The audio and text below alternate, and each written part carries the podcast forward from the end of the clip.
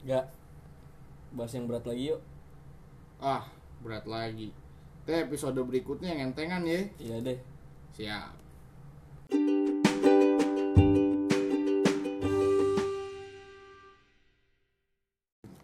Halo. Apa kabar nih gak? Baik, baik, baik. Alhamdulillah. Lama banget gak ketemu ya Ki ya? Iya lama banget. Ah, ah. Berat. Lu tadi naik apa Ki ke sini Ki? Hmm, naik gojek. Oh, naik Gojek. Eh iya naik gojek, naik grab, naik grab. Naik Grab. Hmm. Gue mah jujur. Jujur. Udah pakai gojek. Enggak pernah. Udah jarang. Eh gak pernah mah. Kenapa itu? Mahal.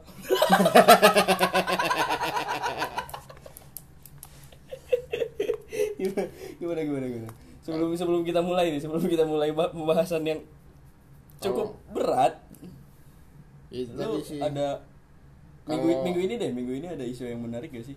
Minggu ini itu sih paling pemindahan ibu kota DKI itu Oh, yang iya. yang Monas digotong-gotong pakai helikopter gue gue lihat meme-nya. Pinter-pinter banget emang orang Indonesia kalau suruh bikin meme. Terus ada apa? DKI apa? DKI DKI Puki. Puki. Apa tuh singkatannya? Eh, apa tadi? Ya, apa tadi? Apaan? Ah lu. Pindahnya ke mana tadi? Pindahnya ke mana sih? Gue lupa juga anjir perasem eh apa sih Penajam Pasar penajam Utara pasar dan Kabupaten Kutai Kartanegara kalau disingkat PUKI. Oh, jadi kalau jadi DKI? DKI Puki. khusus ibu kota Puki. Boleh juga nih pemindahannya milih nama emang hebat. Tapi sebelum sebelum ke situ gak? Lu setuju gak sih ibu kota dipindahin? Eh, setuju setuju aja sih biar karena Jakarta udah terlalu sumpek sih maksud gua ya biar kepecah lah Ya biar pecah ya. biar kepecah karena emang udah banyak role role negara Hmm. role model negara lain yang ayah ada yang sukses ada yang enggak Hmm. gitu cuman ya apa salahnya kita mencoba gitu Ya mudah-mudahan sih. Tapi gue memang gue juga setuju sih mudah-mudahan memang ini bisa jadi Solusi. membuat Indonesia lebih baik. iya amin amin amin kita doakan saja ini suatu langkah yang benar yang dilakukan oleh pemerintahan kita kan kita harus Tapi kira-kira lu ikut pindah gak? ya enggak lah kan kita pengabdi kita bukan pengabdi negara jadi Bukan abdi negara, bukan tapi negara. pengabdi ke Pip. itu kita harus stay di Jakarta semoga bisnis yang di Jakarta juga masih lancar jadi memang industri full di Jakarta pemerintahan full yang di full di Kalimantan. Di Kabu- DKI Puki. Cakep deh di, di RPUL RPUL nih. Ibu kota negara Indonesia adalah DKI Puki. Cakep. Kan nggak nggak kalau kepanjangan kan capek juga lu tiap nulis surat tuh. Eh, DKI Penajam, Penajam Pasar, Pasar Utara, Utara dan Karta, Kutai Kutai Kartanegara. Tanggal sekian panjang banget coy itu udah satu satu baris satu sendiri baris gitu ya. sendiri tuh kan kalau disingkat lebih enak DKI Puki. Udah, kita mau bahas apa nih hari ini nih? eh sesuai judul sih kita kayaknya mau mau nyinggung-nyinggung dikit tentang pendidikan karena memang ya background kita kan orang tua guru gak Orang ya, tua masih ngikutin ya lah bokap lah nyokap ya. gua guru, bokap lu guru, Bokap nyokap guru, juga ya? nyokap guru Nyokap sekarang. juga guru sekarang kan Iya. kemarin udah mulai ngajar ya pas nyam nyari kesibukan ya nyokap ya. Iya, Nyari betul. kesibukan ya ngajar aja Ngajar emang aja. paling ideal. paling ideal Nah, jadi kita pengen coba sih Karena kita sendiri juga alhamdulillah mengenyam pendidikan yang cukup ya kan. Cukup. Kita cukup mengenyam pendidikan, orang tua juga bergerak di bidang pendidikan jadi Iya. sedikit banyak Ya, kita masih masih update lah masih update lah Masih gitu. update tentang pendidikan Perkembangan pendidikan Perkembangan, Indonesia. Apa nih yang mau kita bahas nih? hmm, Mulai dari mana nih enaknya nih? kalau gua sih ya masalah pendidikan in- Indonesia ya Nggak.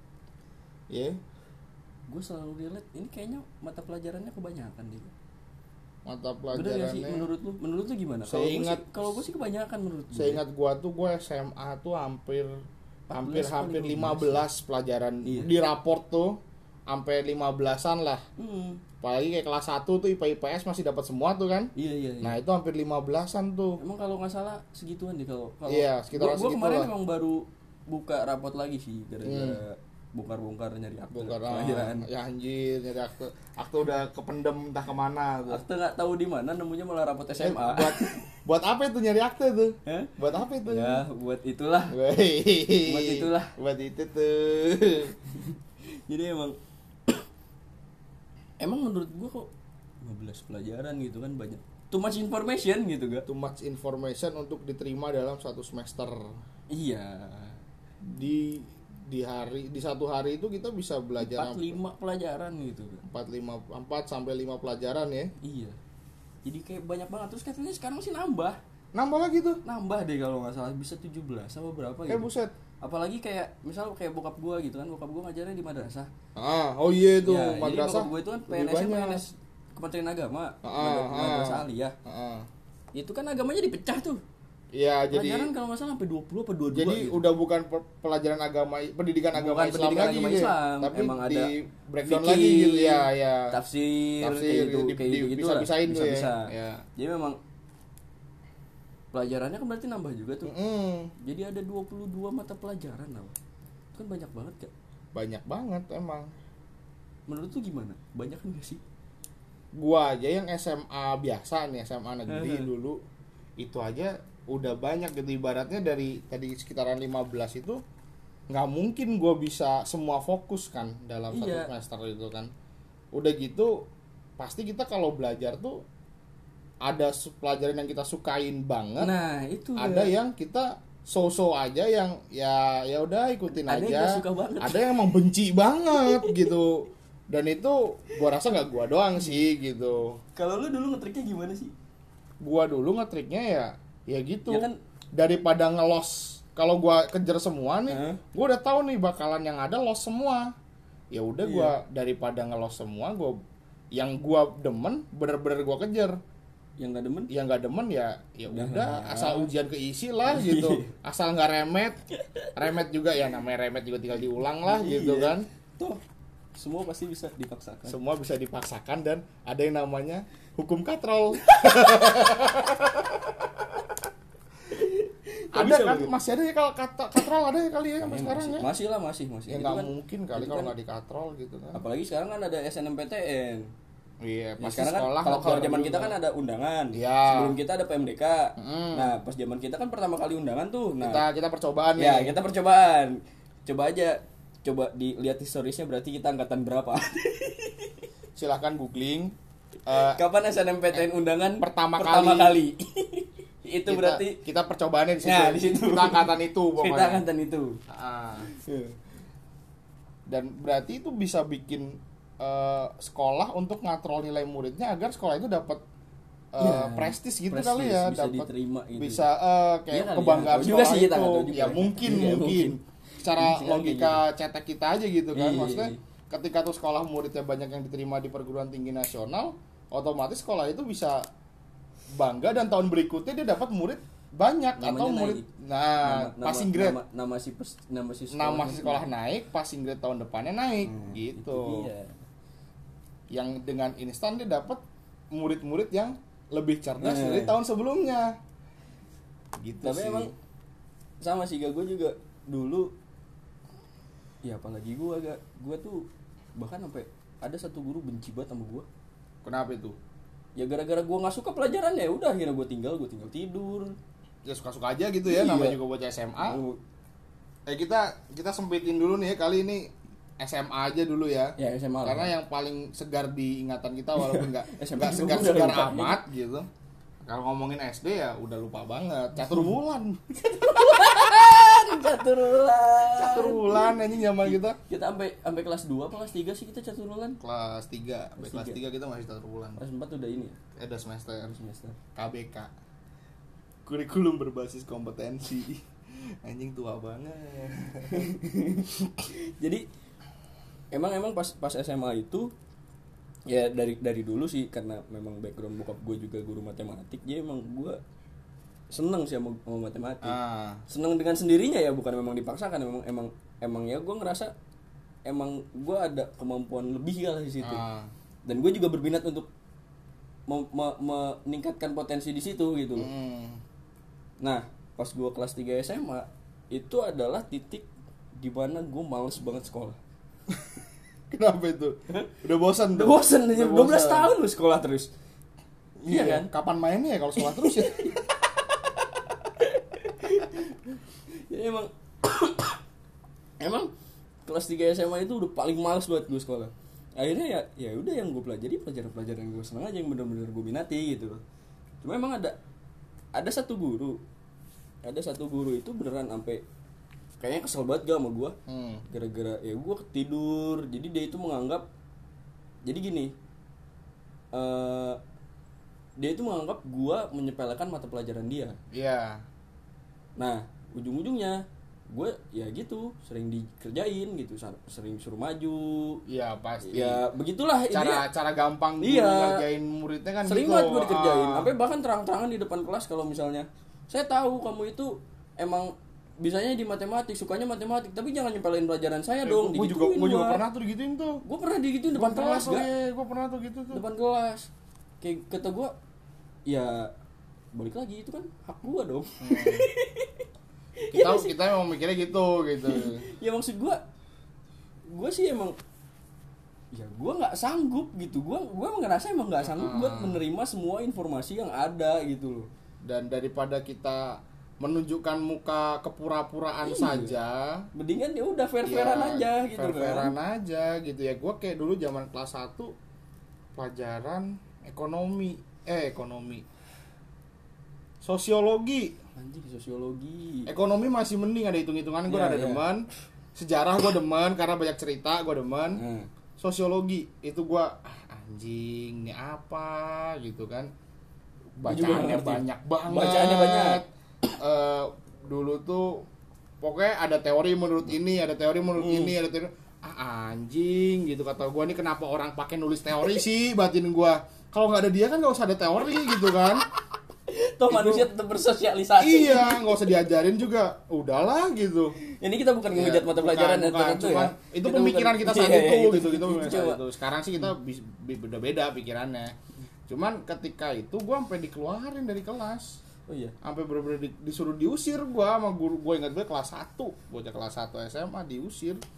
Gua itu gua dasarnya gua ya gua udah gua udah malas banget di kelas dia gua pengen bersin. Bersin gua gua kenceng-kencengin tau gak wah eh, gua gituin tuh. Gua kenceng-kencengnya tuh gua, gua kasih power dah tuh.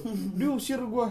Kamu keluar aja kalau nggak mau. Oh ya udah pak. Saya ke perpus aja gue sepi kayak gitu. Padahal kantin gua anjing gua udah amat kata tapi gua ada satu guru yang salut ke gue jadi emang dia dia mungkin entah udah tahu kemampuan gue di mana udah mengerti gue kayak gimana kali ya ada guru biologi ya ah gue itu kan emang gak suka banget sama biologi Iya. banyak kan gitu bacaannya mm-mm.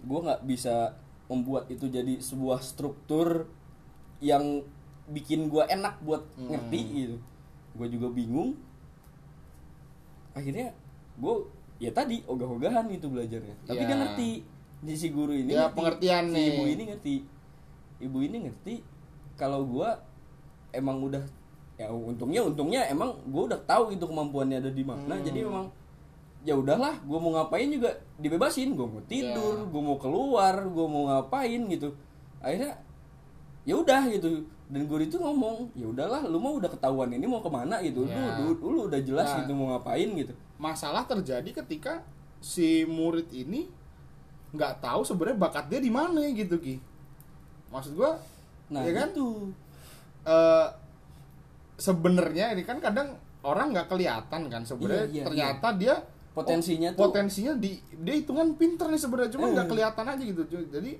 terkadang sampai kelulus juga nggak nggak ketahuan. Nggak jadi kebuka kelihatannya gitu, kebuka. kelihatannya bego aja terus gitu.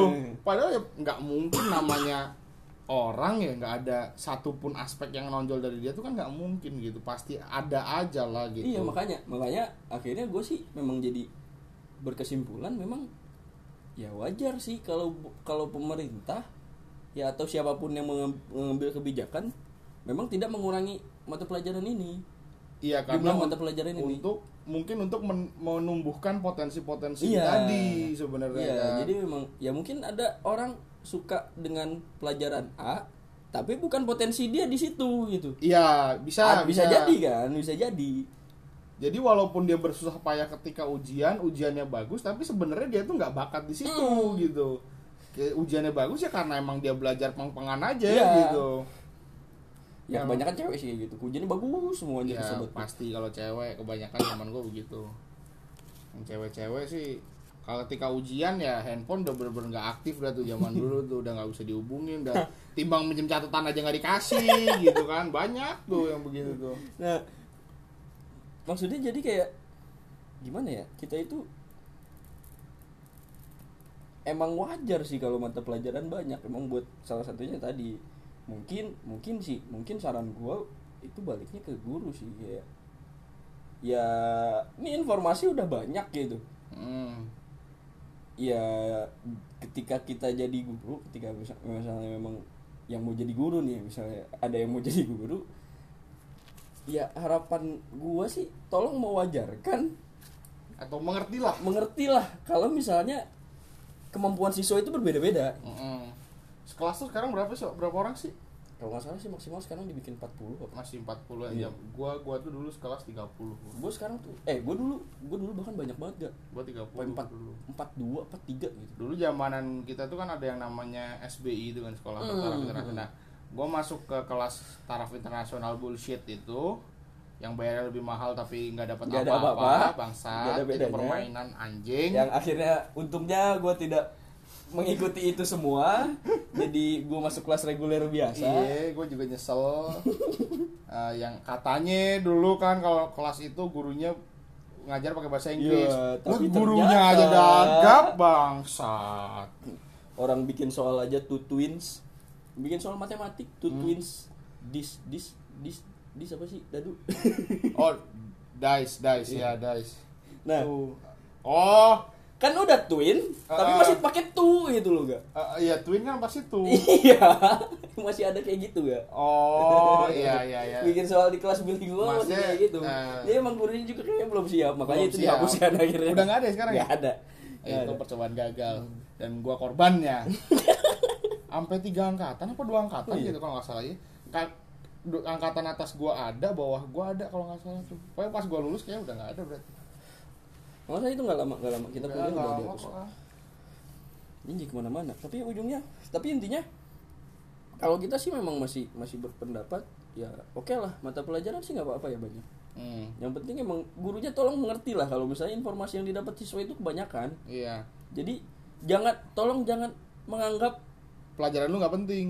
bukan tolong jangan menganggap semua pelajaran itu penting Oh iya iya Iya iya iya iya.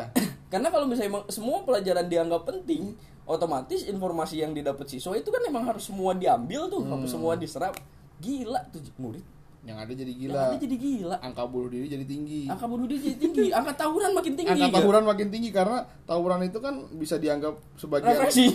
Eh, sebagian orang menjadi refreshing, refreshing sarana menyalurkan apa energi yang tersisa dan energi poten- yang eh, energi yang terpendam eh, gitu. eh, gitu. Dan Iya. dan sekarang balik lagi sih menurut gua anggap sekelas 40 gitu. Hmm. kayak dari pelajaran yang gak gua sukain tuh kayak sosiologi nggak mungkin dong dalam satu kelas 40 orang itu nggak ada yang demen sama sosiologi. Pasti ada Ada aja, aja. gitu. Ada ya nggak mungkin lah gitu.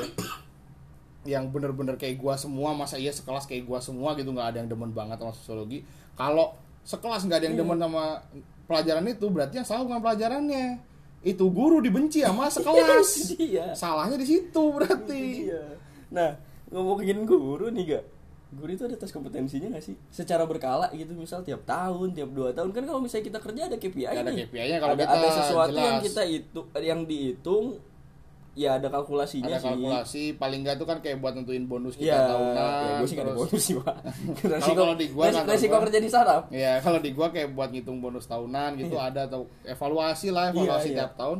Kalau di swasta tuh kan ada. Cuman kalau se sepenglihatan gua ke bokap nyokap gua tuh kayak nggak ada gitu. Setahu gua sih kayak bokap nyokap gua juga kompetensi gitu pas mereka mau Sertifikasi. sertifikasi doang ya itu pun udah beberapa tahun yang lalu kita Iya. zamanan awal kuliah lah. Kayak nggak ada gitu secara berkala ngecek kompetensi guru itu masih relate gak sih sama kehidupan Nah, sekarang sedangkan- gitu kan? gimana cara mengajarnya, gimana treatment dia ke murid. Kan Iya. anak sekarang juga beda sama zaman kita. Tiap tahun pasti berubah. Berubah. Zaman berubah Zaman gitu berubah. kan. Sedangkan gurunya makin beda. tua. Gurunya makin tua. Bahkan sekarang nih gak gue denger sih dari bokap gue gitu ya di sekolahnya ada masih ada guru yang nggak bisa ngoperasin komputer Nah, yang kayak gitu gitu kan maksudnya Ada sih temen nyokap gue juga ada. iya kan kan berarti ya sorry tuh say itu guru udah nggak relate sama kondisi ah. anak zaman sekarang gitu kan Apa apa bisa aja tuh guru masih nganggep yang kayak murid nggak boleh bawa handphone bisa jadi karena dia sendiri nggak melek dengan teknologi.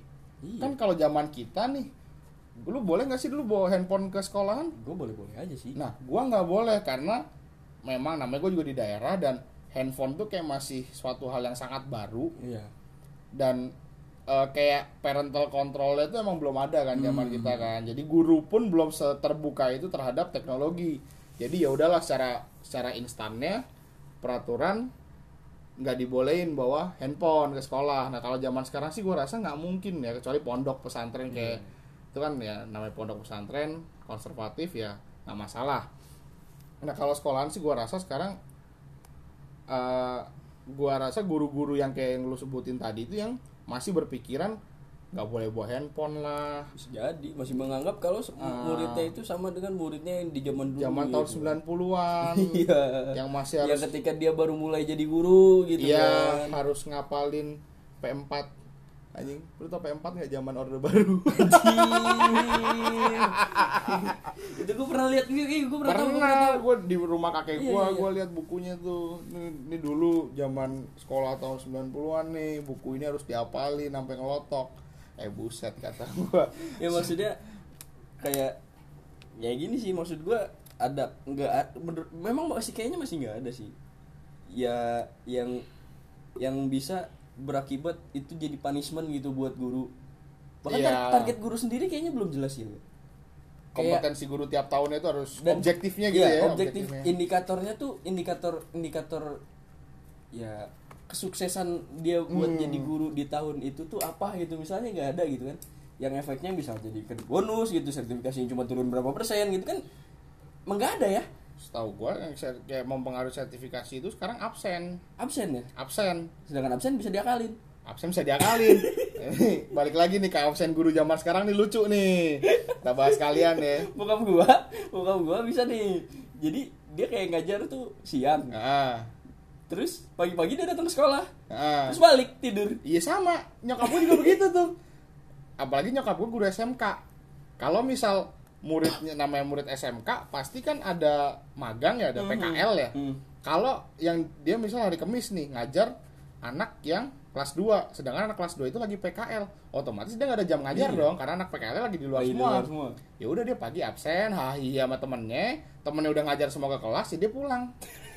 Pulang kayak ke rumah nenek gua kayak ke rumah tante gua kayak ke mana gitu kan main aja. Ntar sore absen sore jam berapa? Jam 4 ya? Jam 3 apa jam jam 3 jam Iya, 4an gitu gitu. lah. lah. Ya udah ke sekolahan lagi. absen. Udah gitu aja Sama. terus malah kadang sempet ngelayap dulu entah ke mana? Ke mall gitu ke mana?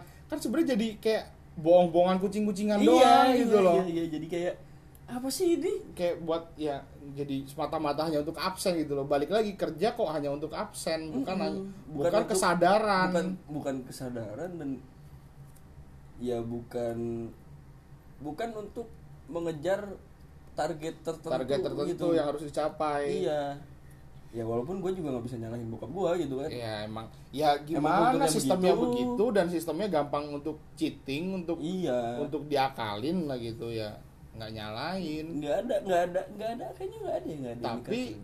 impactnya adalah guru jadi nggak punya jatah libur atau cuti sih karena ketika si murid Iya sih. libur guru berhak libur kan Hmm. sekarang kan gitu kan jadi kayak sewaktu-waktu nih misal guru anaknya wisuda hari rebo kayak kita wisuda Hmm. hari rebo ya belum tentu bisa datang Iya kalau kalau misal harus di luar kota sekolahnya nggak ngizinin. sekolahnya nggak ngizinin atau emang ada punishment dicabut tunjangannya dipotong sertifikasinya atau apa ya kan itu suatu konsekuensi yang besar gitu setahu gua sih izin boleh kalau sakit doang deh Ya, dan itu ada kan. pun nggak I- paham sih mekanisme juga rumit Jadi, intinya nggak ada satu indikator yang menentukan kesuksesan seorang guru hmm. Iya nggak sih? Ya itu istilahnya cuma kayak kesadaran gurunya sendiri kayak misal bokap gue tuh dia dia punya target sendiri ketika memang kelasnya bisa ngapain Iya, gitu, baru, iya, gitu. jadi kayak balik lagi ke tanggung jawab mas, tanggung jawab moral Ah, masing-masing ah, lah. ah.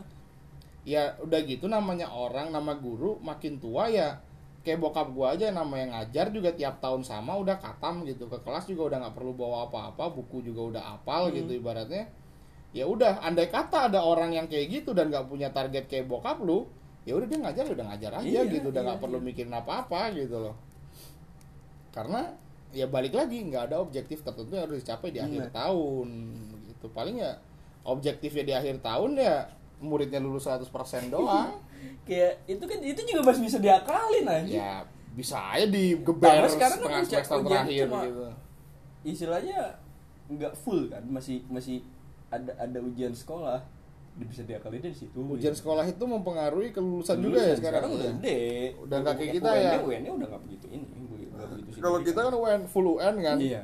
Ujian sekolah cuman eh ya, enggak pas kita lulus SMA itu udah ada ujian sekolah. Udah ada ujian Iya. sekolah tapi kayak cuman eh, syarat gimana sih kayak yes no doang lah. Kalau ujian sekolah lulus ya ini lulus gitu. Tapi angka nggak mempengaruhi apa Hmm. gimana gitu. Ya, gitu. ya namanya ujian sekolah lah yang nilai nilai juga gurunya. Guru juga nggak mau lah ngeliat muridnya ketemu lagi tahun depan dia juga enak anjing. Ngeliat lu lagi lu lagi gitu kan.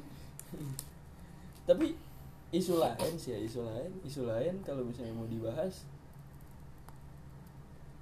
emang masalah gaji guru sih ya kenapa itu gaji guru? Lu ngerasa gak sih gaji guru itu kekecilan gaji guru itu dengan eh, kita nggak usah ngomongin jasanya seperti di lagu himne guru ya. iya, iya.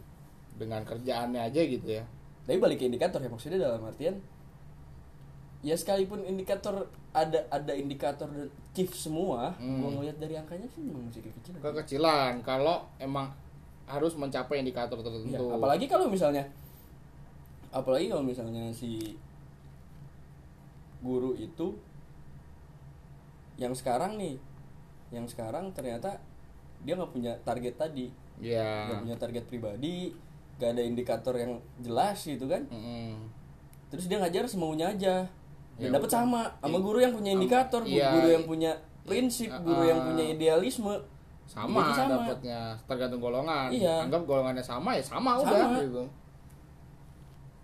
Jadi gimana ya? Kok gua gua ngelihatnya memang eh, apa itu masalah? Tapi kalau misalnya PNS gimana sih? Kalau apa gitu juga ya? PNS nggak tahu itu sih ada tunjangan sih tahu gua. Tunjangan itu banyak lah ibaratnya. tunjangan kinerja segala macam gitu-gitu ya? Ah, ada ya? gitu-gitu banyak. Tapi ada kalau ada ada kalau PNS emang kalau secara golongan sama sih harusnya. Hmm. Cuman kalau emang kalau dilihat dari kesejahteraan sih ya itu emang kurang sih. Kecuali ya mungkin kayak nyokap gua sih gua rasa sekarang juga udah cukup ya karena nggak ada biaya nggak ada apa-apa lagi. pengeluaran apa-apa lagi gitu. Anak juga cuman gua gitu. Gua juga udah udah cabut dari rumah. Cukup untuk membiayai gua udah sendiri. bisa menghidupi gua diri gua sendiri ya nyokap duitnya buat dia sendiri Iya. ya ya sangat amat cukup. Cuman beda cerita ketika guru masih punya beban tanggungan nyekolahin anak sendiri hidup sehari-hari itu emang harus itu sih saving itu banget sih Jo. kayak ya kayak bokap gua kan punya temen-temen yang anaknya masih kuliah dua-duanya Iya, oh itu berat banget. Itu berat Apalagi banget, kan anak itu kuliah banget. dua bareng itu berat Hmm. banget. gue orang tua juga sempat nge, nge- nge- apa namanya ngalamin ketika gue tingkat akhir adik gue masuk kuliah Iya, itu anyep banget emang. banget emang Emang harus pinter Iya. ya. Namanya orang ada yang bisa nyam- nabung, ada yang emang boros. Kalau yang bisa nabung ya ya bisa aja cukup atau mungkin emang orangnya cerdas punya sasaran lain ya cukup. Kalau yang anteng-anteng aja ya udah ya mepet banget emang hidupnya gitu. cuma yang memang cuma kalau gue sih ngelihatnya memang yang lebih miris lagi yang miris lagi itu ketika guru itu bukan PNS bisa ngajar di swasta atau misalnya di Honorer, honorer itu per jam, per jam gajinya per jam itu paling gocap apa gak Iya, kecil banget, kecil banget kecil banget. Pokoknya gue pernah diceritain nyokap gue tuh ada guru honorer di sekolahannya cuma nerima 800 ribu per bulan. Iya, kayak di Bogor itu di Bogor ya. Di Bogor bokap temen ada ada ada honorer baru itu paling cuma 2 juta gitu sebulan. 2 juta di Bogor mah dapat apa iya anjir? gitu loh. Misal dia ngekos aja, ngekos udah 700 di Iya. Bogor kota mah. Dan ngomongin gaji dia. Kalau misalnya yang PNS di daerah sama di kota sama ya sama tuh sama ya sama Ya, itu juga jadi nggak adil ya sih nggak adil Nggak adil. nggak adil Kayak misal living cost beda Iya, bokap gua nih, bokap gua menyokap lu. beda Bandingin. Ah, gaji sama Gaji sama. tapi kehidupan, Kehidupan beda, beda. Ah, Jadi ya itu gak adil juga ya? nggak adil Jadi karena nggak nggak kayak UMR Iya, iya, iya. kalau iya. UMR kan ada hitungannya berdasarkan Ah. daerah tersebut kalau gaji PNS mas tahu gua sama sama ya. sama kayak bokap gua kan pindah tuh kan Hmm? sama nerimanya mah Jadi satu ya- daerah ke daerah lain sama Ya, itu itu another problem ya, tapi Ah. yang gua sorotin memang kayak gaji honorer, gaji guru honorer, terus gaji guru swasta gitu ya. Ya kalau misalnya swasta elit nggak usah diomongin lah ya. beda cerita swasta Beda cerita, mah. guru swasta elit. Kayak misalnya nyokap gua nih, nyokap gua, lu tau gak sih dibayar berapa? berapa itu nyokap Dibayar makasih. waduh terima kasih udah kayak Pak Ogah di putaran di putaran pengkolan aja bayar terima kasih Itu, itu benar-benar cuma buat ngisi kegiatan doang nggak? Ya Kayak- kalau kayak nyokap lu alhamdulillah bokap lu udah punya gaji, lu udah udah bisa Iya, diri kayak- sendiri gitu kan nggak masalah. gua sehari-hari gitu. udah keluar ti- tiap hari kan. Hmm, Tiap hari gua keluar, adik gua juga udah ngekos. ngekos, emang ya sampai sekarang belum lulus sih. Jadi eh jarang di rumah lah, di rumah Iya. sendirian kan bosen, akhirnya ya udah. Ya, buat isi waktu Emang luang waktu doang, doang, kan, gitu. waktu itu luang juga doang. bukan suatu kebutuhan, lah Kebutuhan, ibaratnya. emang. Ya udah, Cuman kalau yang emang bener-bener butuh ya Nah itu temennya tuh ada temennya tuh beneran aduh kesian banget gak gua ya gimana namanya dia punya keluarga dia Hmm. punya anak gitu kan yang harus dibiayain juga Be. harus ada Ini. dapur yang perlu dijaga. Iya. jadi kadang kesian sih soalnya sekolah swasta kan pemasukan dari mana sih dari investor apa apa sih Donatur istilahnya ya? donatur sama dari sama iuran siswa SPP-nya SPP si kan. murid udah itu doang Nah, gue sih, gue gue jadi kayak punya pemikiran gini loh karena karena jujur ya gue gue gue punya cita-cita buat bikin sekolah sih ya. Tapi gue jadi ragu ketika eh uang di sekolah itu memang benar-benar ngandelin dari apa namanya eh SPP tadi. SPP si murid Iya. Iya. Apakah jadi apakah ada sesuatu gitu entah apa yang bisa meningkatkan perputaran uang di sekolah gitu. Ya sekolah eh bisnis lendir berkedok sekolah. Goblok goblok. Maksud gue gini. Maksud gue ya intinya kan kita ingin menaikkan kesejahteraan guru tanpa membebani masyarakat dengan biaya sekolah yang mahal gitu. Iya, iya, iya. Jadi nilai sosialnya dapat, nilai sosialnya dapat nilai pendidikannya dapat, terus kesejahteraan umumnya dapat. kesejahteraan gitu. umum karena masalah di guru guru swasta gue yakin dia nggak fokus karena memang biayanya juga banyak gitu Iya. jadi kayak dia nggak nggak bisa fokus ngajar gitu dia nggak tenang untuk ngajar gitu kan Ya gimana mau tenang karena nggak ada iming-iming Iya, akhir bulan iya. gitu.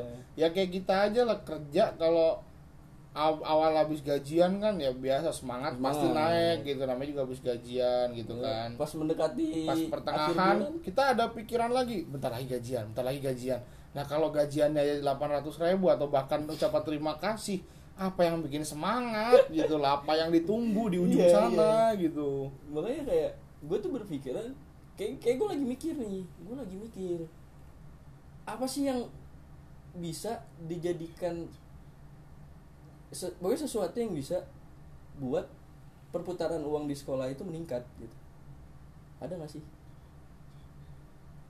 Eh, kalau apa ya karena kalau sekolah umum kalian gue pikirin sih mungkin saat kayak gue biasa nerima proyekan gitu ya kalau sekolah itu punya sumber daya yang bisa nerima tender apa gitu mungkin bisa diberdayakan cuman kan nggak mungkin juga jadi Nggak mungkin muridnya, kan? konsentrasinya kepecah juga dan apalagi kita nggak bisa mempekerjakan underage iya bawah umur di bawah umur mungkin. Nggak mungkin.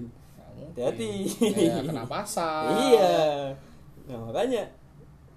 Jadi emang menurut gua ya ini menurut pandangan gua pribadi masalah pendidikan itu bakal bakal stuck di situ. Dan pecah ketika ketika itu bisa masalah itu bisa dipecahkan sih.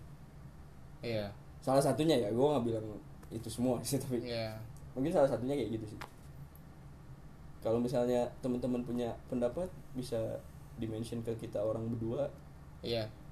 Atau kita butuh ini gak kita mau bikin apa? Sosial media IG Twitter. Nggak usah kayak IG lu aja. sepi anjing. Iya bikin sih. IG gini. Yang yang follow ya itu itu lagi itu itu Tapi- lagi. ini kan gue gue bilang gue gue nulis di description itu ada Ed Hakim Muflis sama Ed Sanjay Ega ya? Ah. bener kan Ed Sanjay Ega benar benar Twitter benar. sama Twitter beda. Twitter apa? Masih alay nanti aja gue ganti Ya dulu. udah lu ganti dulu lah ya Ed Sanjay Ega Iya, ya. gua jangan lupa oke? sama. Tapi ya kebenaran sih gobloknya kita nggak nggak saling follow di Twitter iya gua gua emang dari dulu nggak pernah follow dan ketika udah ingat ya udahlah bodo amat karena ya gua tahu real life-nya si Haki ya udahlah ya gitu kayak sosmed ya nggak udah bukan suatu hal yang penting lagi Iya, gitu iya. ngetek foto juga jarang gitu cerita ada masalah apa juga kadang-kadang tahu-tahu ngechat gitu kan Iya, tau-tau ngechat atau mungkin ya ketika ketemu dibahas gitu Iya. kayak gini aja gitu. Ketika ketemu dibahas. ya udah tapi ya sekarang apalagi nih gak Ini- tadi kita kita udah ngomong banyak panjang lebar sih masalah Oh, ada satu lagi nih concern masalah pendek aja kali ya. Yang terakhir ada sih isu nggak sih?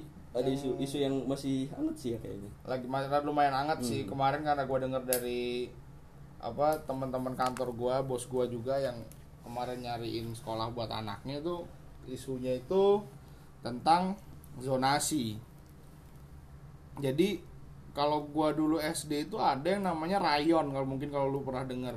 Ryan ada dulu zaman gua SD tuh di mungkin itu aturan daerah kali ya gua SD di Sumatera Selatan. Ada tuh namanya rayon sama, hampir Mungkin ya. sama. Harus sekolah di lingkungan rumah nggak jauh dari rumah gitu. Oh. Tapi nggak menutup kemungkinan untuk kita nyebrang jadi nggak se-strict sekarang Ya, gitu. ya, ya.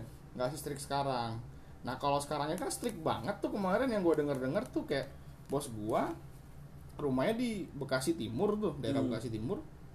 Pengen nyekolahin anaknya masuk SMP nah beliau ini pengen eh, nyekolahin anaknya di Jakarta. Secara perekonomian beliau sanggup. Secara transport juga sanggup.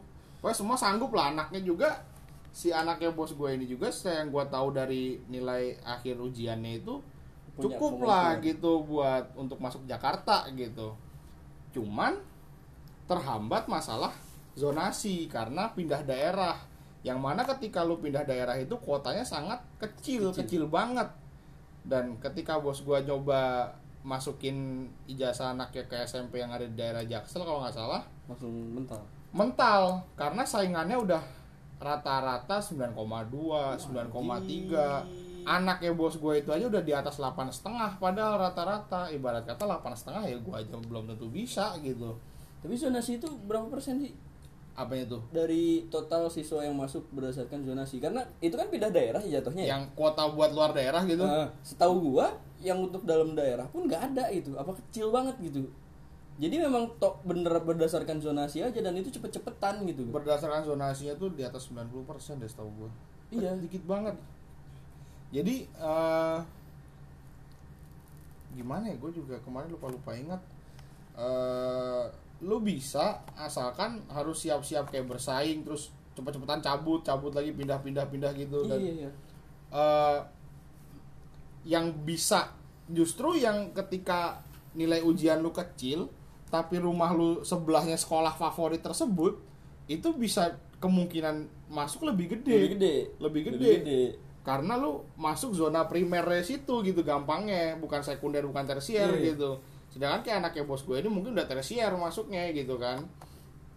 Nah efeknya sih kalau menurut gua eh bocah-bocah pinter yang rumahnya agak pelosok namanya rumah ya kan kita nggak bisa nyalain juga orang pengen punya rumah di mana kan? Kayak gua.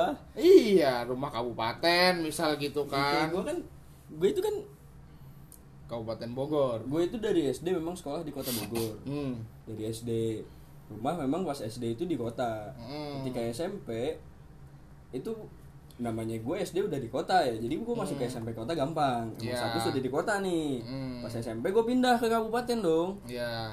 Ya memang karena baru dapat rumah di situ. Ya ya itu masalah pindah gitu ya wajar lah Ya. bagi suatu keluarga gitu kan. Nah pas masuk SMA itu kan berarti status gue rumahnya udah di kabupaten. Kabupaten. Tapi masih bisa gitu gue buat sekolah bisa. di kota Nah, karena andai kata- SMA-nya gue SMP-nya gue di kota gitu kan. Andai kata itu terjadi sekarang udah nggak Udah mungkin, nggak mungkin, lu sekolah di nggak favorit mungkin. itu lu jadi sekolah di SMA 1 Ciamas anjing. Ada nggak sih? Ada ada. Ada kan? Bapuk Ada pasti ya. Bapuk kan pasti. Gue gak berani ngomong ya. Weh, saya tidak berani ngomong. Saya tidak berani ngomong. Ya, Di ya kita- tapi memang di kabupaten itu yang bagus Cibinong sih Cibinong ya wajar, Cibinong emang, emang pusat pemerintahan. pemerintahan kabupaten Ya kita semua tahu lah namanya di tapi kan gak mungkin juga kabupaten. gue sekolah di Cibinong Iya, ya gila di situ. anjing. Dan Satu rayon pun jauh, nggak bisa kayak gitu, nggak bisa. Eh, rayon zonasi. Jadi sebenarnya plus minus sih. eh ini tujuan awalnya itu kalau nggak gua nggak salah baca tuh untuk menyamaratakan sekolah yang tadinya nggak dapat murid bagus. Iya.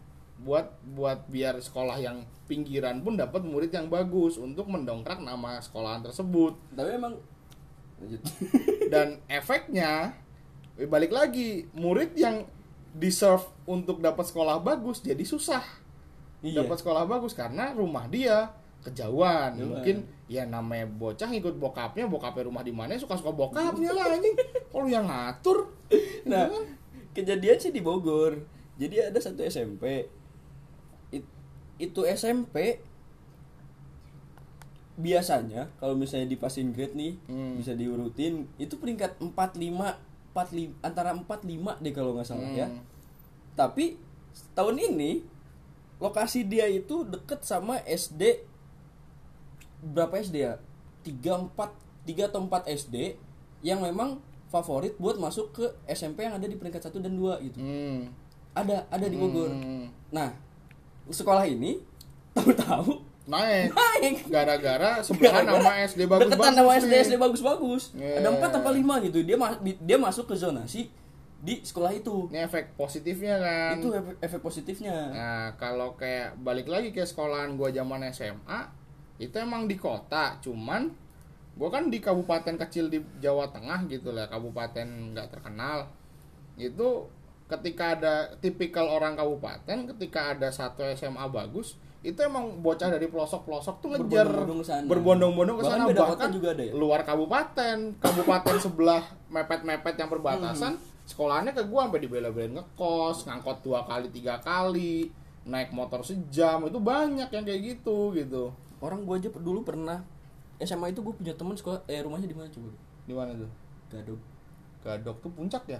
Anjing jauh banget. nanjak gitu loh. buset. Sekolah di sekolah gua. anjing itu kalau mogok motor di tengah jalan lu mau berangkat sekolah. ribet anjing. Jadi yang kayak gitu cerita-cerita kayak gitu udah gak ada kayaknya. udah nggak bisa. Sekarang nih kalau lu ke sekolah nih ketemu temen lu pas mos mos ya? Iya. mos masa orientasi sekolah. Rumah mana? Situ. Rumah mana? Situ situ situ situ aja semua. Nggak ada yang namanya jauh-jauh rumah lu mana ya ini saya sini oh jauh banget gitu kan nggak Kumpul, ada kumpul wali murid oh iya kayak kumpul SRT. Iya, kumpul rapat murid RT. kayak ibu barisan. Ibu barisan. Ibu barisan RT anjing kenal. Eh, anaknya sekolah di sini, Bu, itu. Anjing. Udah nggak ada tuh yang namanya temen anak SMA ngekos tuh kan zaman gue banyak Iya, iya, temen iya. gue ngekos tuh Temen gue juga kalau masa ada sih ada aja yang kos itu. banyak jadi nggak akan terjadi lagi sih ya. emang ada kuota luar daerah cuman nggak masuk akal sih menurut Hmm. gua bahkan eh, yang gua denger nih anak guru itu anaknya guru dapat privilege ya kalau nggak salah Nggak tahu gua. kalau nggak salah gitu anaknya guru dapat privilege untuk masuk ke sekolah di mana bapaknya ngajar Oh iya. Iya. Nah bapak gua ngajar di SMA pinggiran. ya gua nggak mau juga masuk ke sekolahan bapak gua gitu. In case gua di saat gua masuk sekolah ada peraturan kayak gini, gua juga nggak mau gitu di sekolahan bapak gua. Tapi yang untung sekolah bokap gua gak. Kenapa itu? Ini gue dapet cerita mungkin ya. Ya gue nggak tahu bener apa enggak. Tapi logikanya masuk. Sekolah bokap gue kan madrasah. Hah. Nah, itu kan nggak berlaku. Zonasi itu nggak berlaku di madrasah. Cuma berlaku Oh, di SMA doang. SMA negeri ya. SMA negeri doang. Oh, ya ya ya.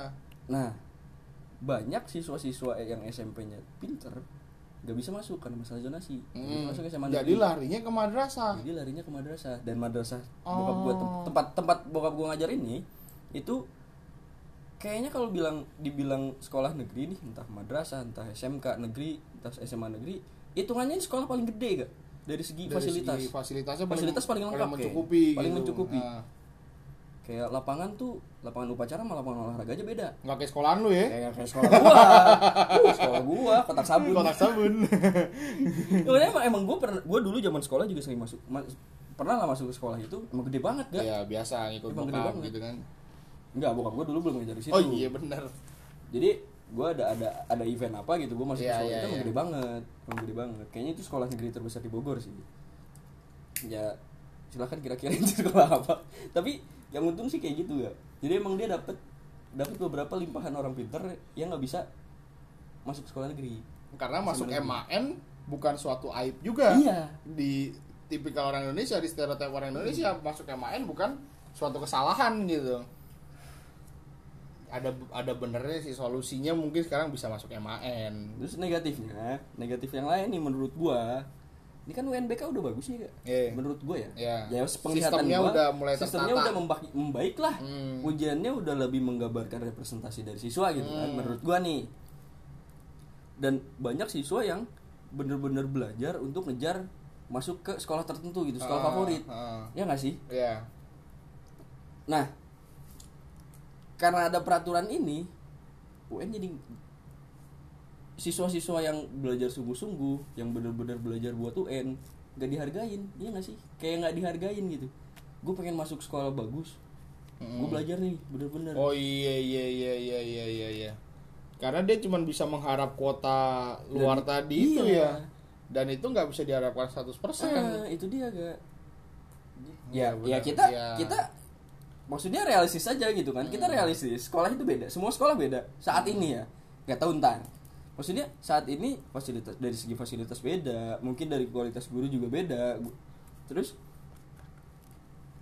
memang memang sekolah itu terkotak-kotak dalam artian ada ininya gak ada apa namanya ada prestisnya gitu loh Iya. beda beda dari segi prestasi muridnya prestasi zaman terdahulu Iya, itu kan memang beda ya. Mm-mm. Jadi kesian gitu, gue kesian aja sama Cuman- siswa-siswa yang benar-benar sungguh-sungguh gitu. yang lucunya nih gue kemarin lagi jalan ke mana gitu lihat kayak pameran properti Hmm? kayak di mall kayak kalau nggak salah di mall pameran properti tagline-nya apa Dekat dengan sekolah. dekat dengan eh sistem zonasi yang menguntungkan gitu di list sama dia sekolah negerinya itu apa gitu itu kayaknya sekolah-sekolah unggulan Iya. gitu daerah Jakarta kata gua nih jadi bahan jualan juga gitu Jadi bisa meningkatkan harga rumah. meningkatkan harga rumah, harga properti karena bisa jadi orang pertimbangan beli rumah untuk anaknya besok masuk sekolahnya bagus apa enggak gitu.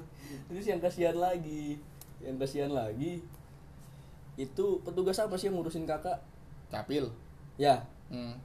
karena banyak orang yang pindah kakak gara-gara orang pindah kakak, buru-buru ngurus Iya, misal rumah kakeknya gitu rumah ya. kakeknya gitu ya, udah aja masukin situ. mepet sekolahan bagus gitu, Eh, pindahin buru-buru ke buru-buru. rumah kakeknya gitu. Ya, cheatingnya sih begitu gitu tuh apa ngakalin sistemnya sih bisa Iya, banyak banyak banyak banyak kayak yang kayak Pasti gitu. ada yang kayak gitu. ada buru-buru langsung pindahin Karena- alamatnya jadi di sini gitu kan Iya, karena nah. memang pengen masuk sekolah bagus dan karena emang bisa diakalin kayak gitu gitu dan namanya pindah kayak gitu kan gak harus satu keluarga bisa bocahnya ya Iya. tempelin ke kakak kakeknya bisa kan ya sih. Ya banyak lah jadi Tuh, kesimpulannya nih kira-kira ada nggak nih?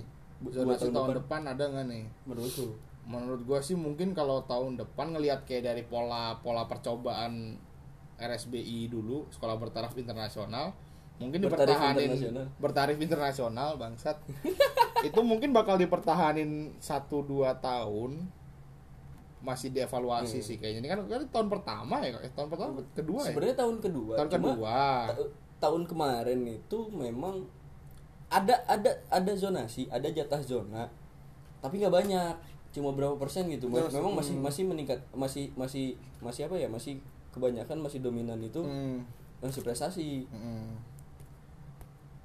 kayaknya masih ada sih kalau menurut gua tahun depan. Masih ya kalau tahun depan masih banyak yang protes atau gagal mungkin baru udah tapi kebangetan sih kalau masih kesian gue gak ya UN makin bagus malah begini ya mungkin pemerintah juga sambil ngelihat hasil tahun ini sih kayaknya hmm, ya, ya, ya semoga lah ya, semoga semoga selalu ada evaluasi hmm. tiap tahunnya karena selalu ada hasil di tiap tahunnya yang bisa dianalisis gitu kan hmm. oke okay. Eh, anjir lama juga. Lama nih. Udahan ah.